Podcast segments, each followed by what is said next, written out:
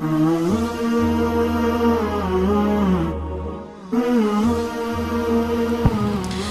الله الرحمن الرحيم السلام عليكم ورحمة الله وبركاته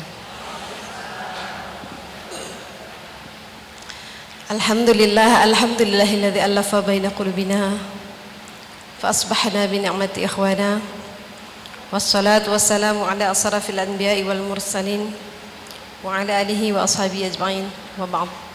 Allahumma arinal haqqa haqqan warzuqna ittiba'ah wa arinal batila batila warzuqna istinabah. Bismillahirrahmanirrahim. Kita luruskan niat.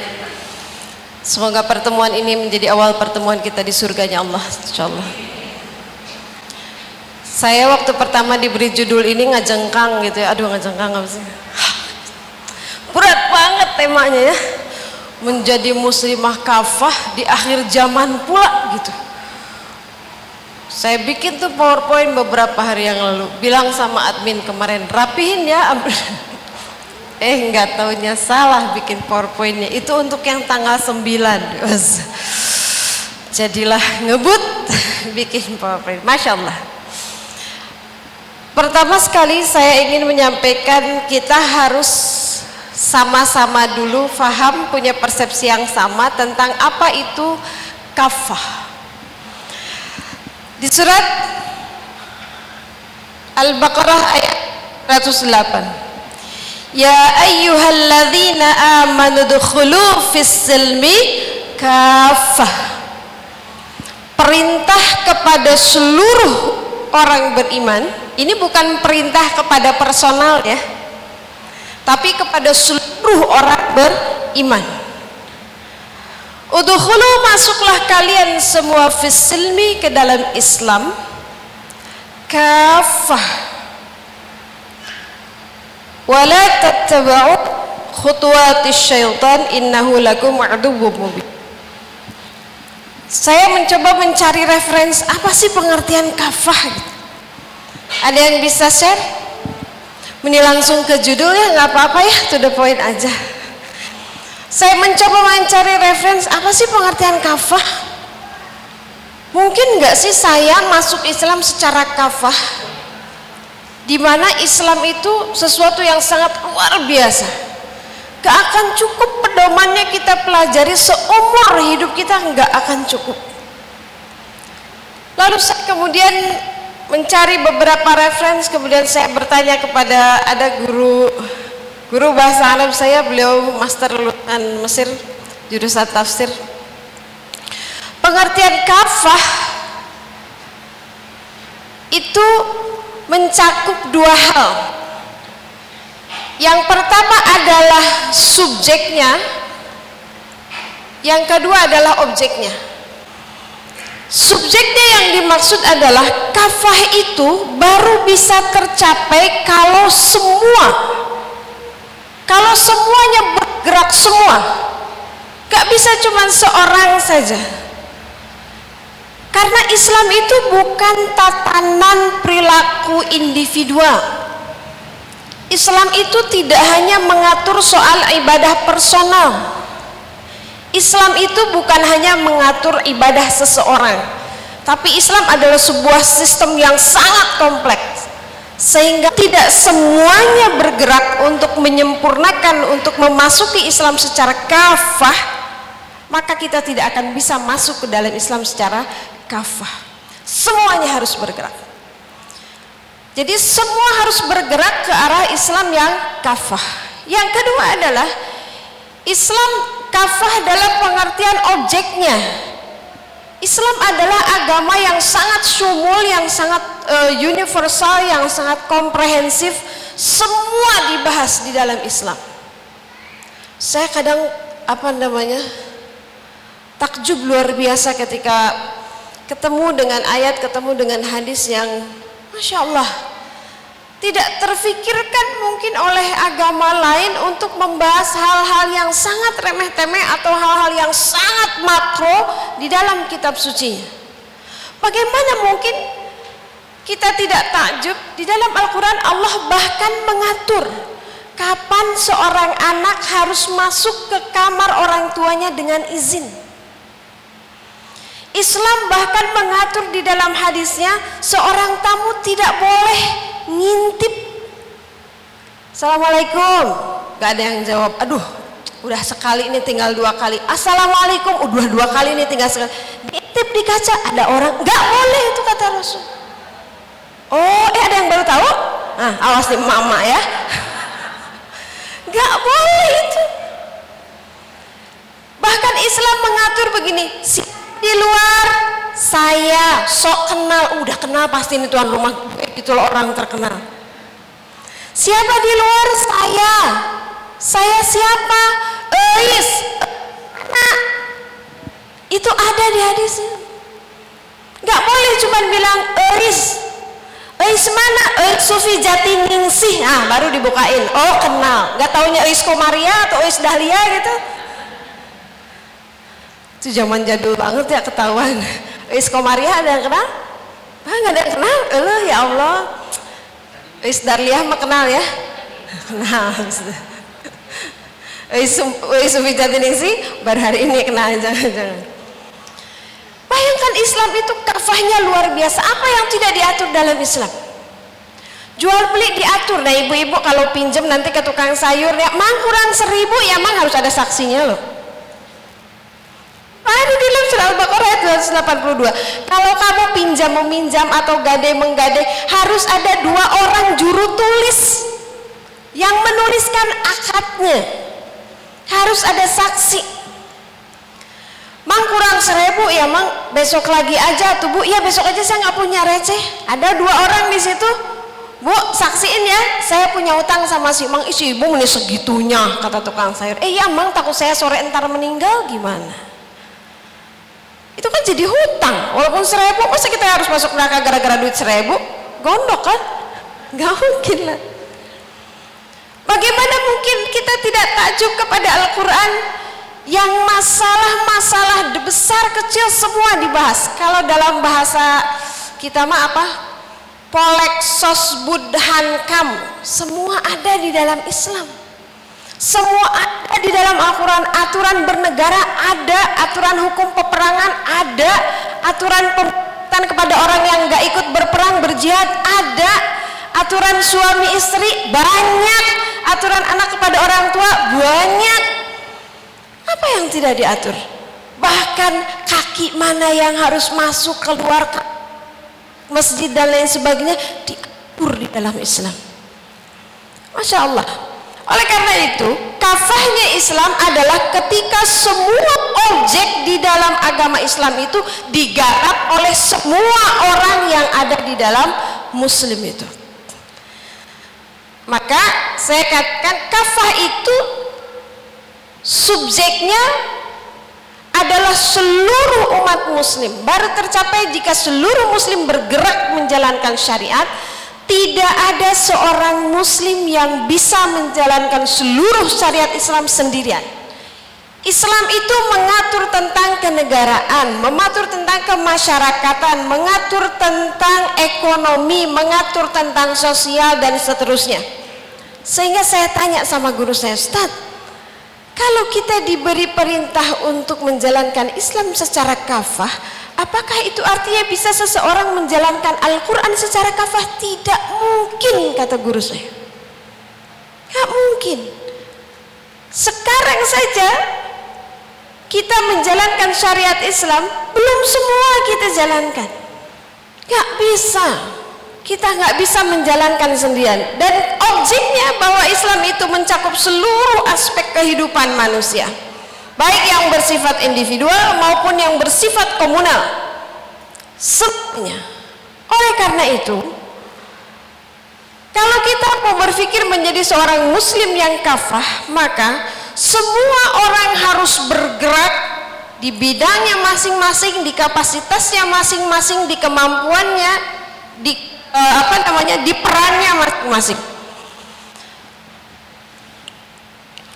Salah satu konsekuensi dari kita harus kafah dalam berislam mau tidak mau ketika kita diperintahkan untuk kafah dalam menjalankan Islam maka kita harus berjamaah. Ini tadi semuanya bergerak semua bidang digarap saya aja udah pengen gitu ya sehari-hari di bidang pendidikan. Kemudian ada teman di bergerak di bidang Al-Quran. Ya Allah seneng banget ya bikin rumah Quran menghasilkan para hufaz berjuang. Oh ikut pelatihannya berapa bulan ngejar ini. Oh, gitu. saya di bidang pendidikan harus pelatihan ini pelatihan ini. Oh. belum lagi di bidang sosial saya di Salimah. Belum lagi di bidang parenting saya di Kurota ini parenting club juga yang harus digarap. Dan itu belum apa-apa. Gak akan bisa semuanya maka berjamaah adalah sebuah keniscayaan. Wa'tasimu bihablillahi jami'an kata Allah. Jami'annya berjamaahnya adalah wa'tasimu bihablillah. Bukan sekedar berkumpul bukan sekedar berkelompok berkomunitas tapi bihablillah arisan berjamaah enggak berjamaah lahnya dan nggak bisa arisan sesoranganan gitu ya. Bisa sih arisan sendiri di pegadaian nyicil emas. Nyicil nanti ditarik sendiri bisa. Arisan berjamaah. Sekarang kan ada tuh ngegeng mak-mak apa gitu ya mak-mak apa. Kalau sekedar berkumpul itu bukan berjamaah karena jamaah itu karakteristiknya adalah wa'tasimu bihablillah berpegang teguh kepada tali agama Allah. Jadi kalau ibu mau berkumpul, mau membuat sebuah komunitas, grup, geng, klub, apalagi, mama kan banyak banget ya. Perkumpulan, kalau saya di Permak Body, perkumpulan mak-mak, Dikiranya beneran Bu Sufi ketua Permak Bodi terus masuk keluar deh. Kenapa kata saya keluar? Kiranya saya bener perkumpulan untuk memperbagus body Bu Sufi. Allah. Bu Sufi urusin yang begitu pakai bedak aja udah alhamdulillah. berjamaah itu sebuah niscaya. Kalau kita tidak bisa tidak berjamaah, gak akan mungkin kita bisa kafah Sebagian orang saja ngurusin pendidikan, pendidikan aja diurusin. Ekonomi nggak ada yang ngurus, politik nggak ada yang ngurus, keamanan nggak ada nggak ada yang ngurus, nggak akan bisa. Kitanya pun secara individu udah di masjid aja gitu. Pasar nggak dipenuhi oleh orang soleh, kehakiman nggak ada orang soleh, kejaksaan nggak ada orang soleh, kepolisian nggak ada orang soleh, DPR nggak ada orang soleh. Bisa kafah? Gak bisa nggak ada deluk. Eh ada deluk tuh apa? Ada yang ngerti ada deluk? Fokus aja gitu ya.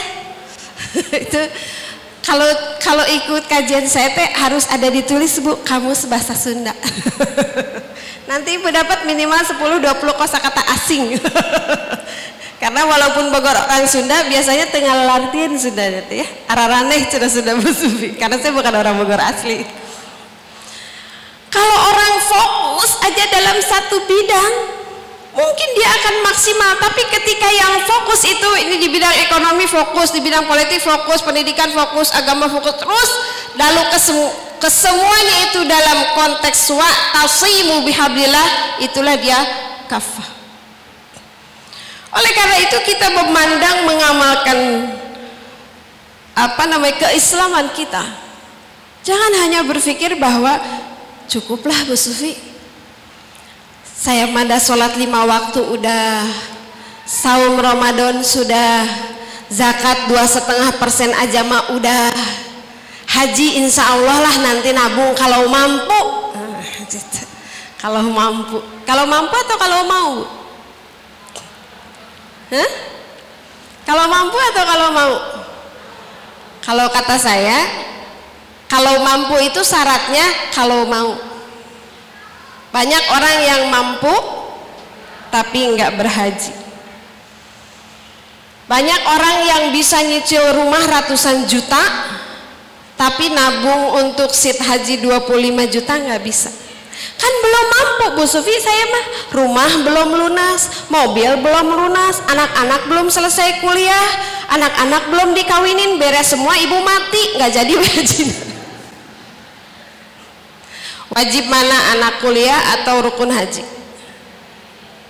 Bener. Bener. Buat kuliah habis berapa ratus juta? Buat haji berapa puluh juta? Ibu Subima menimak jeleb biarin. Nggak makjleb nggak akan yang dapat nanti ya. Pulang dari sini buka tabungan. Mau ke haji bu? Mau nabung enggak enggak har ibu mau ke haji? Mau pisan. Bu Supi saya teh nggak doa enggak enggak. Nabung ente nggak doa kagak gitu ya. Minta didoain ke orang juga enggak kapan ke hajinya tuh nanti nunggu mampu tabungannya banyak nggak akan kumpul-kumpul bu. Nabung. Kenapa belok ke situ? Dari mana tuh? Bu Supi suka gitu tuh? Jangan berpecah belah. Yang satu ekonomi, pendidikan, politik, keamanan dan seterusnya. Ayo bergerak masing-masing, tapi semua ini gak boleh berpecah belah. Apa kalau kata Ustadz Somad? Jangan pikir silet itu tumpul karena dia tidak bisa membelah kayu Jangan pikir kapak itu tumpul karena nggak bisa dipakai nyukur jenggot. Kebayang tuh ya, silet dipakai motong kayu, kapak dipakai ngurut jenggot. Bisa nggak? Tapi dua-duanya tajam loh. Tapi ketika dia ketajaman itu digunakan pada porsinya masing-masing, kita nggak bisa mengatakan silet dong yang paling tajam bisa mengukur jenggot ya enggak lah kapak yang paling tajam bisa tebang kayu Enggak bisa jadi ketika dikatakan ustadz lah yang pisur gaun oh, pisur gaun itu apa? Apa pisur gaun yang bakalan masuk surga tuh pasti ustadz lah ilmunya banyak gini gini gini. Belum tentu juga. Ustadz ngajarin ilmu. Tidak boleh makan riba bak bak bak bak bak tapi tidak ada yang bekerja di bidang ekonomi sehingga terhindarlah bank-bank itu dari riba. Bisa? Nggak bisa kita ingin kekeh pengen menutup aurat tapi kemudian peraturan di tingkat pusat gak boleh sekolah menutup aurat. Bisa? Nggak bisa. Tahun 80-an saya mengalami itu. Aduh, susah. Cuman mau pakai jilbab ke sekolah. Cuman mau foto ijazah itu pakai kerudung. Nggak bisa kan dulu diakal-akalin direpro ya wajahnya wajah kita tempelin sama foto sembarang orang yang ada rambutnya terus dipoto ulang. Cekrek. Nah itu fotonya ijazahnya gak bisa. Ngeringkuk di polsek gitu kan. Diskor seberapa hari dipanggil sama dekan. Nah itu sudah biasa tuh. Sekarang udah kita perjuangkan. Yang pakai jilbab pacaran di kebun raya. Alah. Masya Allah berjamaah. Tidak bisa tidak kita harus berjamaah dan dalam berjamaah itu tidak boleh kita wala tafarraqu. Tidak boleh kita berselisih berpecah belah. Gak boleh kita menganggap orang lain mah kayaknya cuman gitu saya atau saya mah kayaknya cuman gini aja orang nggak ketika semuanya bergerak dalam bingkai wa'tasimu bihablillahi jami'an itulah berjamaah oleh karena itu nggak bisa kita memandang sebelah mata. Gak boleh Bu Sufi. Eh, di ekonomi itu banyak ini banyak jeratannya ada ribanya ada gininya mau jangan di politik itu kotor gini gini gini. Nggak bisa. Harus kita garap semuanya. Harus semuanya ada yang menggarap. Di masjid harus penuh. Pasar harus penuh oleh orang soleh kepolisian penuh orang soleh kehakiman penuh orang soleh semuanya dipenuhi orang soleh insya Allah karena doa kita ibu-ibu sekalian kita itu berdoa diajarkan oleh Allah. Bukan berdoa itu waj'alna minal muttaqin ya Allah. Jadikan kami orang yang takwa ya Allah bukan. Doanya apa? Apa doanya? Waj'alna lil muttaqina imaman. Ya Allah jadikan kami untuk orang-orang bertakwa itu kami pemimpinnya gitu itu doa kita kita ngedoain anak tiap hari begitu kan Jadi nggak apa-apa ibu berdoa ya Allah mudah-mudahan anak saya tuh nanti bari soleh, bari hafal Quran, bari jadi presiden gitu bu. Bari jadi gubernur, bari jadi wali kota, nggak apa-apa. Lil muttaqina imaman. Syaratnya dua kan, yang dipimpinnya orang-orang bertakwa, dianya orang yang paling takwa. Keren. Jadi Islam itu bukan soal ibadah mulut tidak. Ini dulu yang harus kita samakan ya, kafah. Di ruang manakah kiprah muslimah? Kalau kita ngebayangin, Allah Bu Sufi gitu. Berarti luas banget itu gitu ya buat jadi muslimah. Emang. Terus di mana dong kita harus berdiri? Di mana kita harus berkiprah? Yang penting kita beramal secara maksimal, secara proporsional. Ini bahasannya panjang, saya sarankan ibu membaca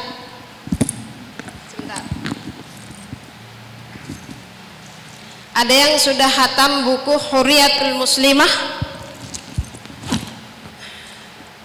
Ada yang sudah baca buku ini?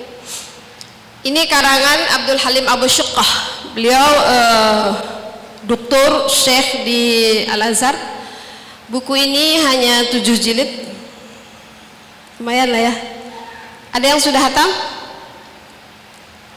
Ini baca buku ini baru jilid satu aja. Ini jilid satu kalau nggak salah. Ini saya ambil jilid satu. Ya jilid ini satu. sampai tujuh jilid.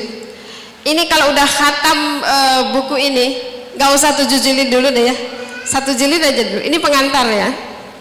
Nanti jilid kedua ada bab nikah bab pakaian bab e, berhias kemudian bab politik sosial kemasyarakatan itu banyak semua di tujuh buku itu. Itu luar biasa. Kafah udah dah. Baru selesai baca itu aja udah kebayang tuh. Kebayang apa ya? Kebayang riut nak. Jadi muslim ternyata ho gitu ya selesai Masya Allah di At-Taubah ayat 105 ini insya Allah udah hafal semua lah ayatnya ya. Wa'malu. Kata Allah beramal saja. Fasayarullah maka Allah akan melihat kita. Rasul akan melihat kita. Orang beriman akan melihat kita. Ini ayatnya saya tulis enggak ya? Berbuat saja Allah di sini tidak menyebutkan berbuatnya dengan perbuatan apa? Wa'malu ini konteksnya memang kalau kita lihat atau secara keseluruhan baik ayat sebelumnya ataupun ayat sesudahnya konteksnya adalah konteks peperangan. Konteksnya adalah konteks peperangan. Tidak boleh ada yang tidak bergerak sedikit pun di dalam konteks peperangan itu. Hatta seorang tua yang tidak ikut berperang hatta seorang perempuan yang tidak bisa menunggangi kuda semuanya harus beramal. Ini ya di apa namanya di buku ini di jilid uh, satu. Nanti teman-teman uh, ibu-ibu sekalian akan uh, menemukan bagaimana kisah para sahabiah yang kecerdasannya, kesungguhannya itu sangat luar biasa dalam berkontribusi di dalam menegakkan syariat Islam mulai dari rumahnya, tetangganya, rumah tangganya, masyarakatnya sampai dengan bernegara. Itu luar biasa. Jadi berbuat saja secara proporsional. Gimana proporsionalnya? Kita kata Allah adalah khairu ummah kita adalah umat terbaik. Saya termasuk yang agak-agak konvensional. Kita boleh berbeda pendapat. Perempuan asalahnya menurut saya adalah rumah. Kita nanti bisa lihat di surat Al-Ahzab ayat Allahumma salli ala Muhammad 33. Ya ya betul insyaallah insyaallah betul. Surat Al-Ahzab ayat 35. Di surat Al-Ahzab ayat 35 Allah sebutkan ini kalau menjelaskan surat Al-Ahzab ayat 35 gak bisa saya jelaskan satu-satu karena harusnya dijelaskan dari ayat 28 sampai ayat 36 itu uh, penjelasan komplitnya. Kalau boleh kita buka saja uh, semua Ahzab ayat 28 sampai 36 ini adalah kalau saya menyebutkan ini adalah kurikulum pendidikan perempuan dari Allah. Saya membahasakannya begitu. Ini adalah ceritanya ketika Rasulullah Wasallam beserta pasukan memenangkan sebuah peperangan. Tapi kemenangannya tanpa peperangan. Sehingga rampasan perangnya disebut fa'i. Kalau rampasan peperangan ada apa ada baku hantamnya gitu. Ada kitalnya. Rampasan perangnya disebut ghanimah. Cara mengelola ghanimah dengan fa'i itu berbeda. Kalau fa'i sebagian besar dari rampasan perang itu terserah Rasul mau diapain. Kalau gonimah harta rampasan perang dari peperangan hasil kital, hasil berjibaku dalam medan perang, itu sebagian besar harus dibagikan kepada para prajurit. Suatu kali Rasulullah memenangkan peperangan lalu mendapatkan fa'i yang sangat banyak Lalu para istri Rasulullah sallallahu alaihi wasallam oh, mengutus utusan kepada Aisyah. Mungkin ada yang sudah pernah dengar cerita ini dari saya. Aisyah, bilang dong sama Rasul, kan dapat fa'i itu. Ini bahasa bebas saya. Boleh dong kita dapat sebagian gitu. Ternyata istri Nabi juga perempuan biasa, Bu pada satu sisi gitu ya pada sisi lain dia perempuan luar biasa pengen hadimat dong pengen itu supaya ada yang bantuin paling dengan gandum supaya enggak berdarah tangannya pengen ini pengen itu normal Aisyah kemudian dengan Hafsah datang kepada Rasulullah SAW menyampaikan ya Rasulullah istri-istri mau meminta sebagian dari fa'i yang telah engkau dapatkan. Rasulullah Sallallahu Alaihi Wasallam terhenyak kaget. Gak kebayang oleh beliau bahwa para istrinya menginginkan sebagian kenikmatan dunia. Padahal kalau kita lihat normal lah ya itu ya. Pengen pembantu pengen gilingan gandum gilingan gandum teh kalau zaman kita mah apa ya rice cooker gitu berarti yang mempermudah itu wajar lah gitu permintaan yang wajar tapi Rasulullah kaget karena tidak terbayang istri mereka, istri-istrinya itu meminta dunia. Diriwayatkan dalam sebuah keterangan tujuh hari Rasulullah tidak menyapa para istrinya, bingung mau jawab apa. Ditolak, Rasul juga faham istrinya perempuan gitu kan. Kalau dikasih takut salah karena beliau itu seorang Rasul. Akhirnya turunlah surat Al-Ahzab ayat 28 Al-Ahzab ayat 28 ini khusus turun kepada Nabi untuk menjawab pertanyaan kepada para istrinya ya ayuhan Nabi Qul li azwajika katakan pada istri-istrimu kata kata Allah ini apa kalimat aktifnya disebutkan langsung oleh Allah Subhanahu wa taala. Begini ngomongnya gitulah ya kalau teman-teman baca. Qul li azwajika katakan pada istri-istrimu kata Allah.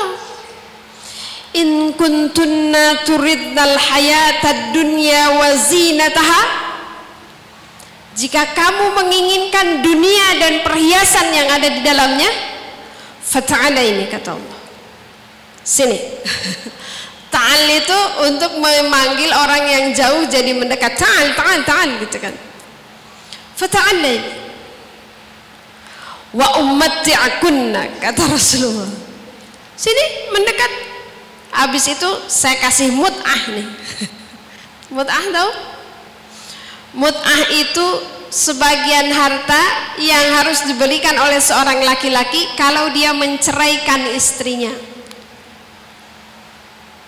Jadi kalau mau menceraikan istri itu salah satu yang harus difikirkan itu punya duit nggak buat mutahnya gitu, bukan cuma menceraikan.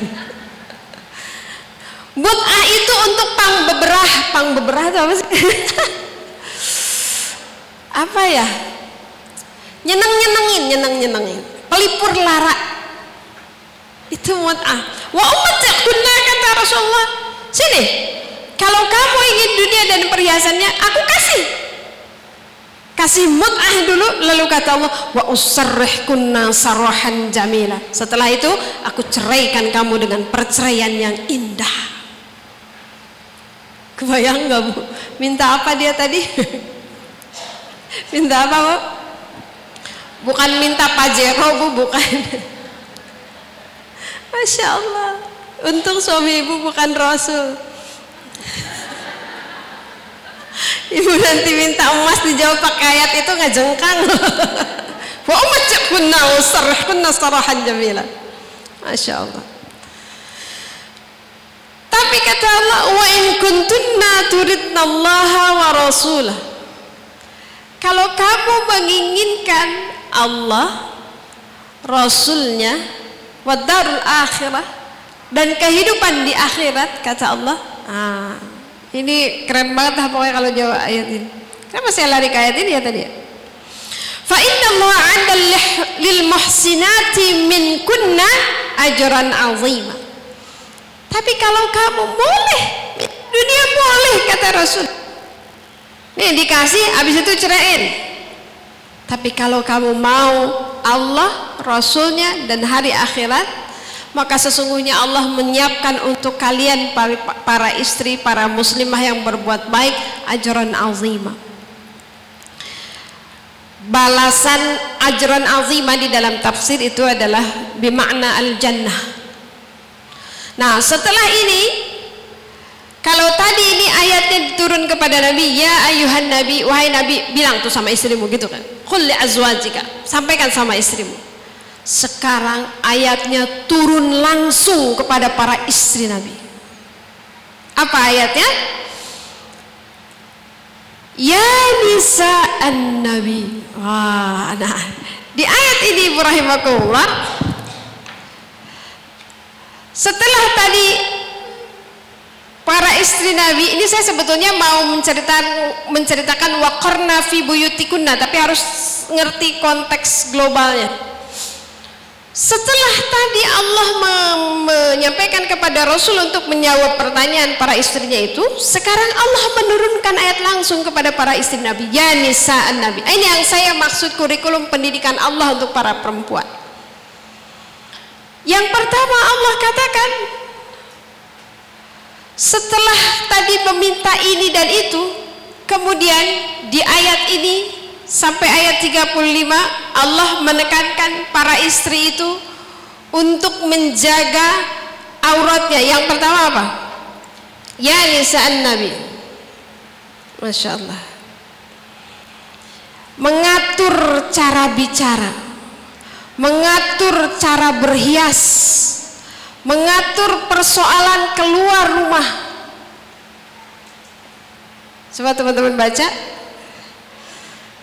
Padahal tadi minta apa? Ujuk-ujuk gitu ya. Cuman minta perhiasan dan lain sebagainya. Allah katakan Hai istri Nabi, kamu sekalian tidaklah sama seperti wanita lain jika kalian bertakwa. Jangan kamu tunduk dalam berbicara sehingga berkeinginanlah orang-orang yang ada dalam penyakit yang ada penyakit dalam hatinya dan ucapkanlah perkataan baik. Satu. Allah mengatur cara berbicara, ujuk-ujuk. Gak boleh istri Nabi itu ber, gak boleh berbicara berlemah lembut sehingga membuat laki-laki yang ada penyakit di dalam hatinya apa makna penyakit di dalam hati ini? Tertarik kepada para istri Nabi karena istri Nabi ini nggak boleh dinikahi setelah Rasulullah SAW wafat. Itu kan istri Nabi Bu Sufi. Saya kan bukan istri Nabi. Kalau ayat ini hanya untuk dilakukan oleh istri Nabi nggak akan dicantumkan dalam Al-Quran pasti ini ada ibrohnya ada pelajarannya untuk kita sebagai perempuan-perempuan muslimah kemudian. Lalu kemudian Allah menyebutkan cara berbicara itu gak boleh berlemah lembut tapi berbicara dengan yang ma'ruf. Qaulan ma'rufan. Jadi perempuan itu berbicaranya harus ma'ruf. Tidak boleh apa ya yang pernah ini ngerti lah ya bedanya benar dengan ma'ruf paham lah ya? Kalau benar itu ya benar sesuai syariat. Kalau misalnya eh, ada anak muda lewat atau pas siapalah Pak RT, Pak RW, Pak Lurah gitu lewat terus kita nanya Assalamualaikum Pak gitu udah benar? benar dah Assalamualaikum tapi kalau namanya Assalamualaikum Pak menyapanya benar tapi cara menyapanya tidak ma'ruf Benar nggak minta minta nafkah sama suami? Benar, ya, ya sama suami lah, masa sama Pak RT kan? Bi, minta nafkah ya. Ini keperluan bulanan. Berapa mah? Ya 50 juta aja lah. Amin atuh bu. Eh. Mending mau ngelamun aja nggak berani. Minta 50 juta. Oh ya 50 juta tapi kita tahu gaji suami kita cuma 10 juta benar dia minta nafkah sama suami tapi tidak ma'ruf dia meminta di luar kemampuan suami faham bedanya benar dengan ma'ruf seorang laki-laki menikah tanpa izin kepada istri pertama boleh? boleh. Tidak ada hadisnya. Sah nggak nikahnya? sah. Oh si akang menibungah halal halal. Tapi entar dulu. Perintahnya seorang suami memperlakukan istri itu bukan dengan cara yang benar tapi dengan cara yang ma'ruf kira-kira istrinya pingsan nggak kalau dengar suaminya nikah lagi? Kalau pingsan berarti belum ma'ruf. Kalau suaminya yakin nanti istri saya kalau tahu saya nikah lagi pasti dia bilang ih selamat ya Abi ya. Alhamdulillah mama ada yang bantuin. Biasanya seminggu tujuh hari mama harus ngelayanin dari pagi sampai pagi lagi. Sekarang ada yang ngebantuin Alhamdulillah barokallah ya Abi. Gitu. Kalau dia yakin istrinya bakalan begitu sok nikah lagi karena perintahnya adalah ma ma'ruf. Udah kalau ngebahas itu yuk. Kemudian kata Allah Subhanahu wa taala Waqarna fi buyutikunna. Eh, apa mengatur tentang berhias ya? Iya dah semuanya. Allah kemudian wala tabarrujna tabarrujal jahiliyatal ula. Gak boleh ya kalian bertabarruj seperti wanita-wanita jahiliyah yang dulu. Wanita jahiliyah yang dulu tuh jangan dipikir pakai rok mini kayak zaman sekarang, Bu. Enggak. Wanita jahiliyah zaman dulu itu bajunya panjang-panjang. Kerudungnya juga panjang-panjang tapi nerawang tapi dikibasin ke belakang gitu ya gitulah kayak pembawa-pembawa acara tuh kalau di TV kalau Ramadan nggak dadak maraknya kerudungnya tapi cuman di sini aja di panitia zirat ini ke belakang lehernya ke mana-mana dadanya ke mana-mana kurang lebih seperti itu wala tabarrujna kata gak boleh bertabaruj kayak gimana Bu Sufi bertabaruj satu episode khusus dua jam setengah kita bahas Gak boleh. Itu kan istri Nabi. Bu Sufi saya kan bukan istri Nabi. Sekali lagi. Allah menurunkan ayat-ayat itu bukan hanya untuk kita baca. Ketika itu turun kepada istri-istri Nabi, di situ ada ibrah buat kita. Lalu kata Allah, "Waqarna fi buyutikunna." Ah, ini dia. Qarn dan hendaklah kamu diem di dalam rumahmu kata apa pengertian qarn? Di dalam Al-Quran tinggal, diem, menetap itu ada dua kata kalau tidak salah. Atau paling tidak yang saya ketahui lah. Saya bukan bukan lulusan bahasa Arab jadi nggak paham. Tapi ada dua kata yang pengertiannya adalah tinggallah, menetaplah. Itu ketika uh, Allah berfirman kepada Nabi Adam, Ya Adam muskun anta wa zaujukal jannah. Wahai Adam, uskun. Tinggallah kamu beserta istrimu di dalam surga. Itu menggunakan katanya uskun, sakana. Di sini menggunakan kata koren koren dan uskun kata sakina itu mempunyai makna yang sama tapi memiliki rasa yang berbeda koren itu berhubungan dengan fisik zahir kalau sakan itu berhubungan juga selain zahir juga dengan rasa. Makanya kenapa suami istri dikatakan uh, apa? Litas kunu ilaiha. Supaya kalian saling menenangkan saling bisa diem untuk merasa tenang. Jadi bukan cuma dikekepan eh dikekepan apa? Dipeluk sama suami tapi pikirannya kemenong-menong gitu tidur di pangkuan istrinya tapi dia main HP terus chatnya sama siapa? Bukan itu sakinah. Tapi sakinah itu diem dalam keadaan tenang baik zahirnya maupun batinnya. Kalau wakaran itu diam secara fisik.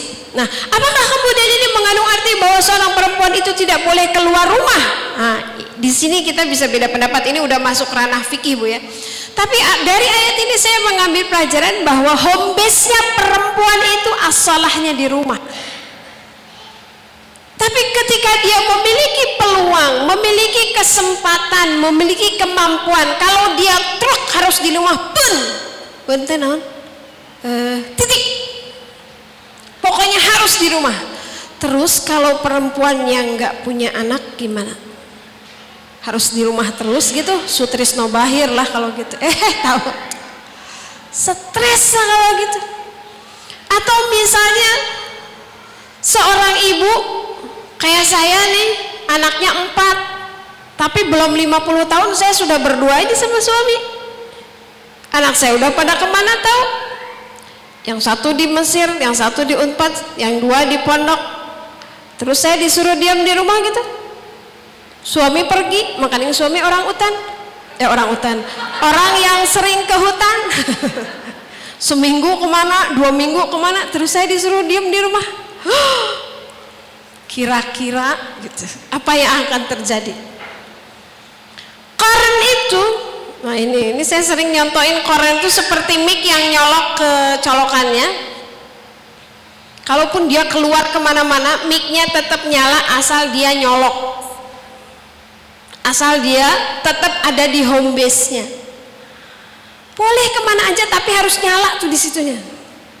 Tapi walaupun dia ada di dalam rumahnya tapi mati. Dia ada dekat colokannya tuh si miknya tapi dicabut matilah rumahnya. Itu yang saya maksud home base perempuan itu adalah rumah. Saya termasuk yang rendah-rendah konvensional urusan ini tapi kita boleh bisa boleh berbeda pendapat jadi beramalah sebagai seorang muslimah sesuai kapasitasnya sesuai waktunya. Kalau memang waktunya di rumah aduh Bu Sufi anak saya teh lima. Yang paling kecil bayi yang paling besar kelas 3 SD bisa udah Bu nggak usah ngapa-ngapain. Bangun khairu ummah dari rumah. Kalau ada yang bisa dilakukan anak-anak saya semua sekolah sih Bu Sufi sampai jam 1 saya kosong. Ayo berbuat. Beramal. Banyak yang bisa kita lakukan. Mulai dari belajar berdakwah berpolitik banyak yang bisa kita lakukan. Berdagang. Oh sekarang mah ibu-ibu pala linter ya. Lakukan ketika itu lakukan. Karena kalau kita sendirian saja tidak melakukan berbagai aspek cuma satu itu aja. Boleh-boleh aja sih. Boleh boleh boleh ah saya mau mau di rumah aja Bu Sufi sholat lima waktu taat sama suami nanti Ramadan saya puasa kalau zakat saya zakat kalau haji saya haji masuk surga gak? Masuk surga enggak? Masuk. Ada kan yang bertanya gitu pada Rasulullah ya? Ya Rasul, saya ini seorang istri. Kalau saya setelah sholat, zakat, puasa, haji, sahadat, terus saya taat sama suami, masuk surga enggak? Masuk kata Rasul.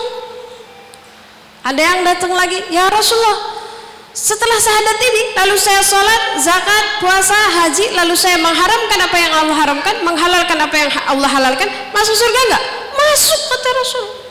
Ya udah tuh kalau gitu mah diam aja di rumah Bu Sufi ntar juga masuk surga. Enak ya? Gimana Bu? Kita mau di rumah aja? Persoalannya cita-cita kita tuh bukan cuman masuk surga. Ini sering banget saya bahas ke mana-mana persoalannya kita itu tidak mau masuk neraka. Mana yang ibu pilih? Masuk surga atau tidak masuk neraka? Hah? kalau masuk surga itu ada dua kemungkinan bu. Masuk surga bi hisab tanpa dihisap swing gitu langsung masuk. Atau mampir dulu di neraka dicelupin dulu dibersihin dulu. Ah, dosa gibahnya bersihin. Dosa nipunya bersihin. Dosa pernah lalai sholat bersihin. Dosa lupa hafalan Quran bersihin. Nah, banyak yang nyir ya termasuk saya. Dosa cemberut sama suami bersihin.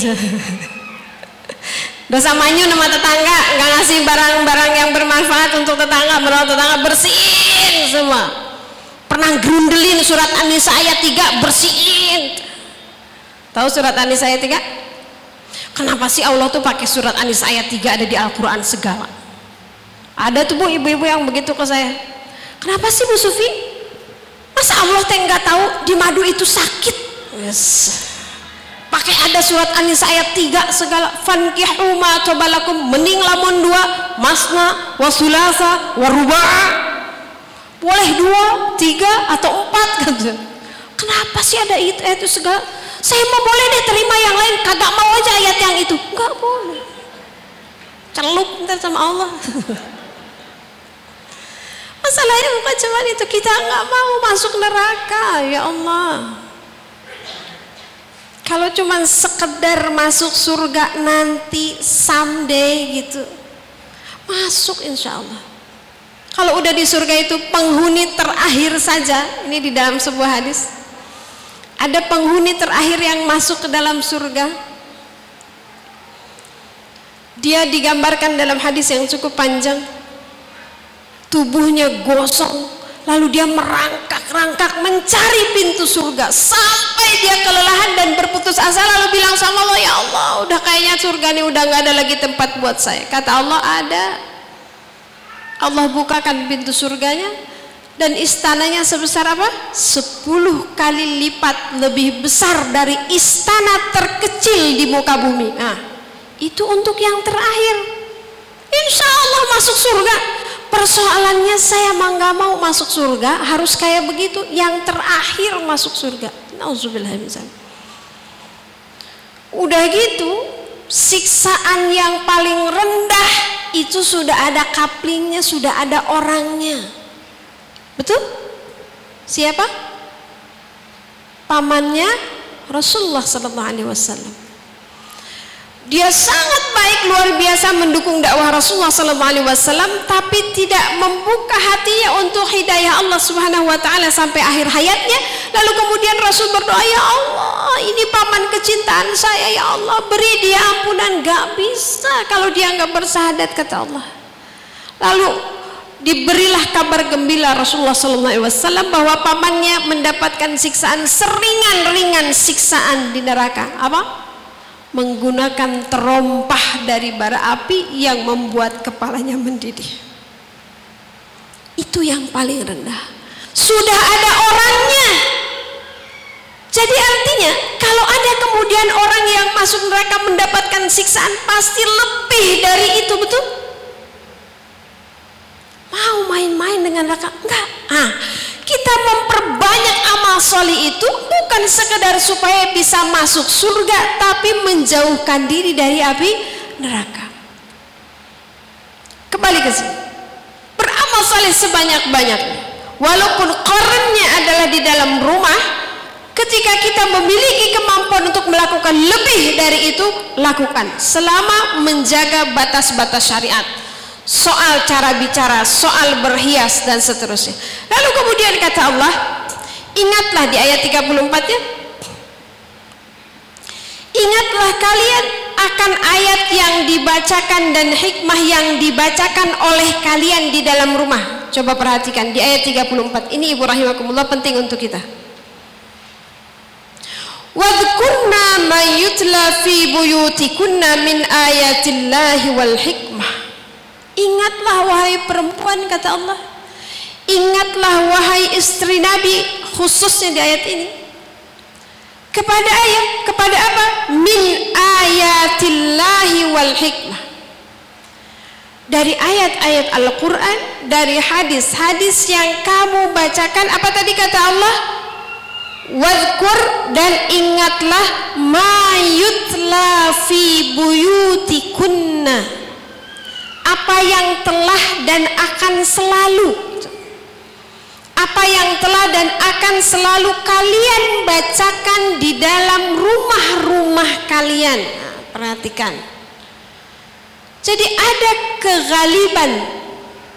Apa biah apa uh, apa apa tuh ya kultur kultur kultur ada ada kebiasaan yang kemudian Allah selipkan secara implisit di ayat ini bahwa para istri di rumah, para ibu di rumah itu ada tugas dalam tanda kutip yutsla di rumah-rumahnya membacakan min ayatillahi wal hikmah. Di mana?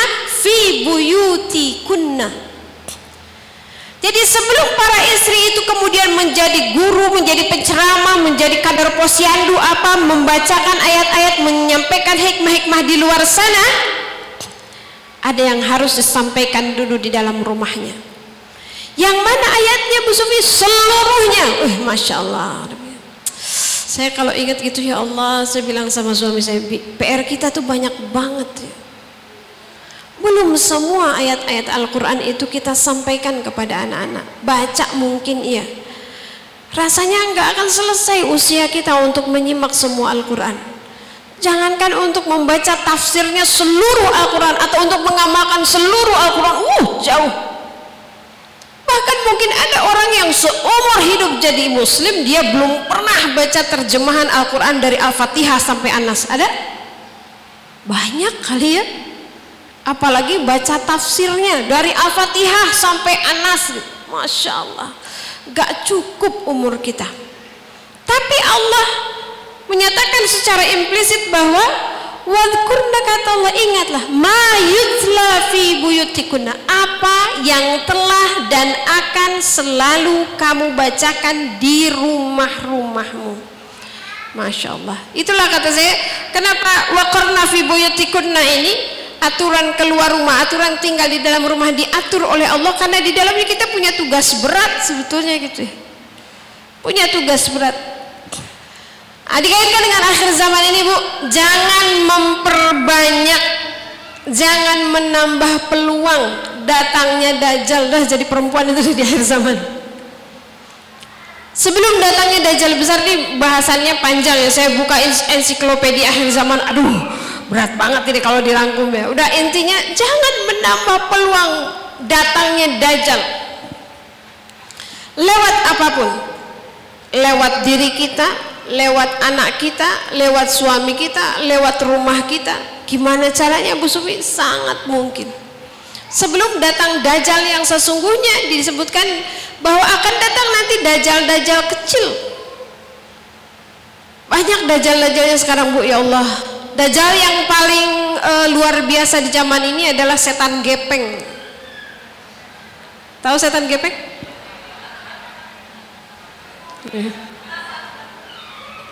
Teman saya bilang ini setan gepeng Bu Zumi.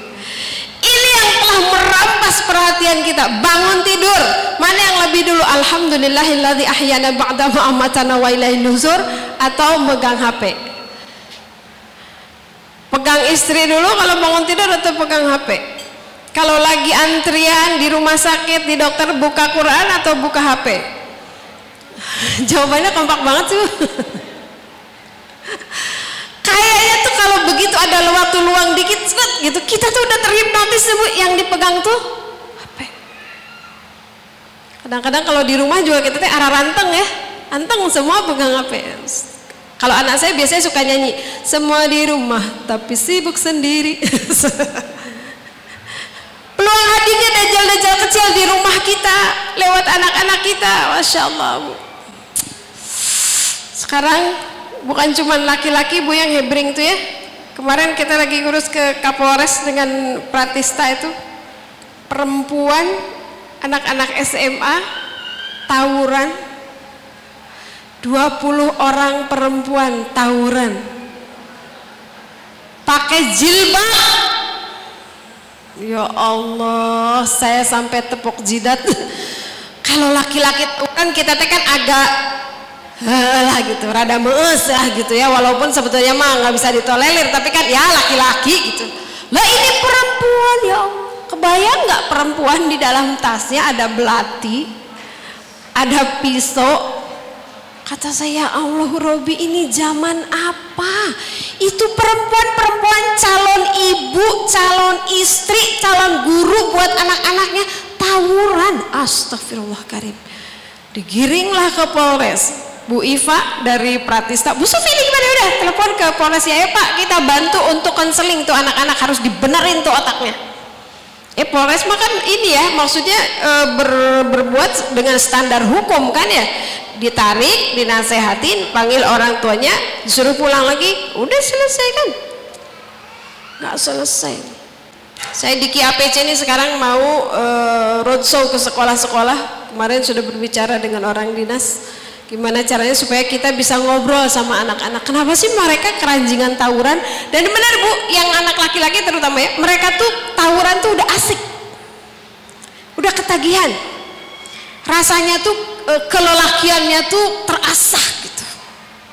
Eh sekarang menular ke perempuan. Belum lagi dajal-dajal syahwat.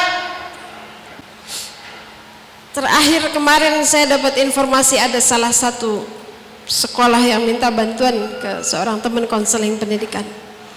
Saya nggak kebayang penyimpangan perilaku seksual di kalangan anak-anak itu sudah sampai seperti itu. Gak kebayang. Sampai kemudian saya diceritakan kayak begini loh Bu Sufi. Ya saya aja yang udah nikah kayaknya nggak segitu-gitunya banget. Coba kalau kita nggak bergerak untuk dakwah kita nggak bergerak untuk mencerdaskan orang, mensolihkan orang, mentarbiah orang, membuat kebijakan hukum yang positif yang menjaga, hancur dah, hancur. Saya baru tahu beberapa waktu lalu ya di Indonesia ternyata banyak apa namanya hukum positif yang membuat kita mengurut dada. Apa yang yang disebut perzinahan di kita. Kalau pemerkosaan dilakukan oleh laki-laki dewasa terhadap perempuan di bawah umur dengan paksa itu baru zina. Jadi kalau usia 16 tahun 18 tahun suka sama suka bukan zina.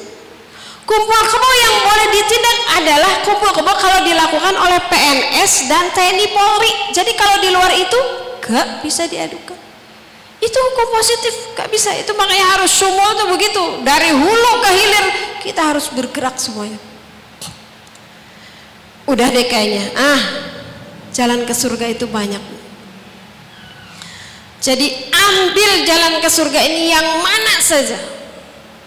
Yang kita mampu pada kapasitasnya pada waktunya pada kesempatannya ambil ketika kesempatan waktu dan kapasitas kita untuk full di rumah udah di rumah aja. Tambahin ilmu. Kalau bayangan saya nggak 100% di rumah tapi tetap harus ada keluarnya dalam ikhtiar kita untuk menjaga keturunan kita. 80% di rumah 20% keluar rumah membagi ilmu ke orang berkontribusi ke orang. Kalau udah kayak saya begini harus 100% harus 80% di rumah eh gubrak dah. Ngapain aja di rumah? Orang di rumah nggak ada siapa-siapa makanya saya P4 hampir setiap hari P4 pergi pagi pulang petang. Semuanya di rumah. Jadi kalau ada yang saya suka ini Bu Sufi saya mau telepon curhat. Nanti di atas jam 8 baru sudah udah beres semua baru bisa. Jalan ke surga banyak. Jadi kafahnya muslimah adalah bergerak semua muslimah. Yang punya passion ekonomi bergerak ekonomi. Yang punya passion pendidikan Al-Quran politik dan lain sebagainya bergerak semuanya tanpa harus merendahkan yang lain semuanya dalam hawa yang sama dalam semangat yang sama wa'tasimu bihablillahi jami'an wala tafarraqu Semoga tidak memuaskan apa yang saya sampaikan. Kita punya waktu setengah jam untuk uh, tanya jawab. Saya yang bertanya, ibu yang jawab.